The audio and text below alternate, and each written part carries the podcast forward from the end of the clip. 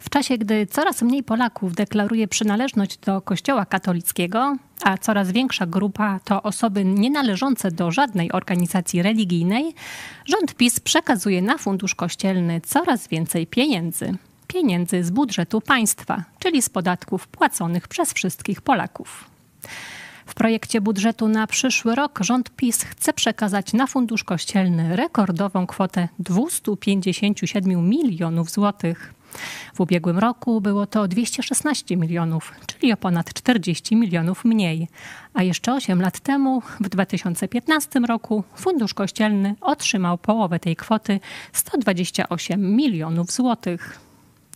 Z Funduszu Kościelnego finansowane są m.in. składki na ubezpieczenia społeczne duchownych. I to właśnie koszty składek emerytalno-rentowych mają odpowiadać za tak ogromny wzrost wydatków z funduszu na następny rok.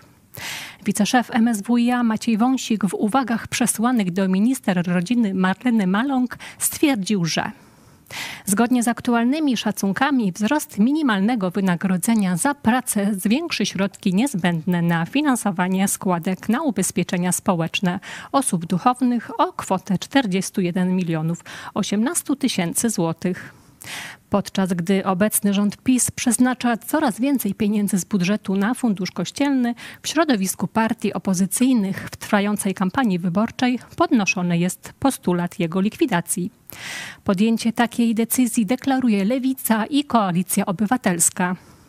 Jest to też postulat Szymona Hołowni, lidera partii Polska 2050, ale już nie całej trzeciej drogi, którą Polska 2050 współtworzy z Polskim Stronnictwem Ludowym.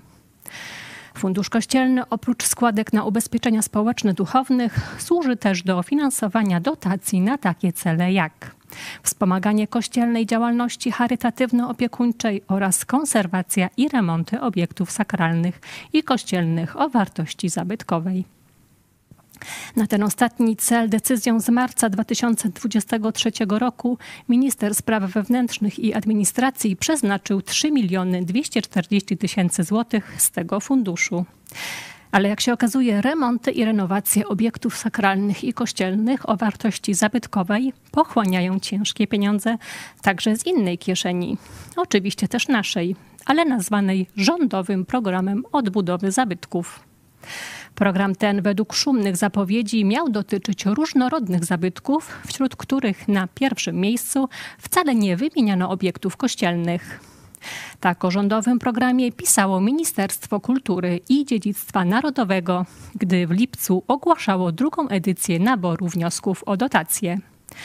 To dodatkowe środki dla samorządów na ochronę zabytków i opiekę nad nimi.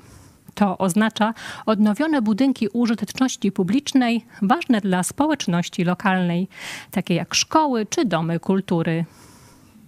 Wchodzimy w kolejny etap odważnego rozwoju w obszarze kultury, który będzie służył nam wszystkim dla wzmocnienia naszej tożsamości i wspólnoty oraz dla piękna Polski. Premier Mateusz Morawiecki wspomniał, że rządowym programem odbudowy zabytków objęte są też budynki kościelne, ale wymienił je w gąszczu wielu innych rodzajów obiektów. Dojdzie do odnowienia setek tysięcy pałaców, dworków, kościołów, a także dworców kolejowych czy budynków użyteczności publicznej, gminnych szkół, szpitali czasami. Właśnie dlatego, że nie chcemy pozwolić, aby te wspaniałe pamiątki polskiej kultury odeszły w zapomnienie, mówił premier.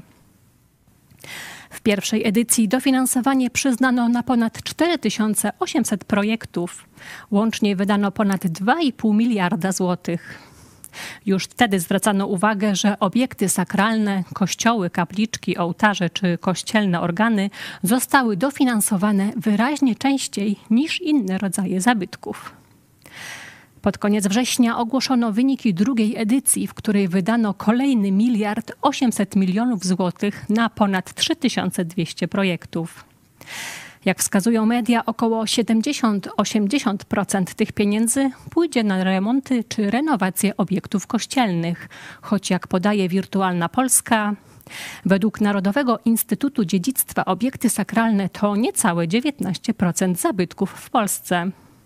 Największą część stanowią zabytkowe obiekty o funkcji mieszkalnej, a także dawne folwarki, rezydencje oraz cmentarze.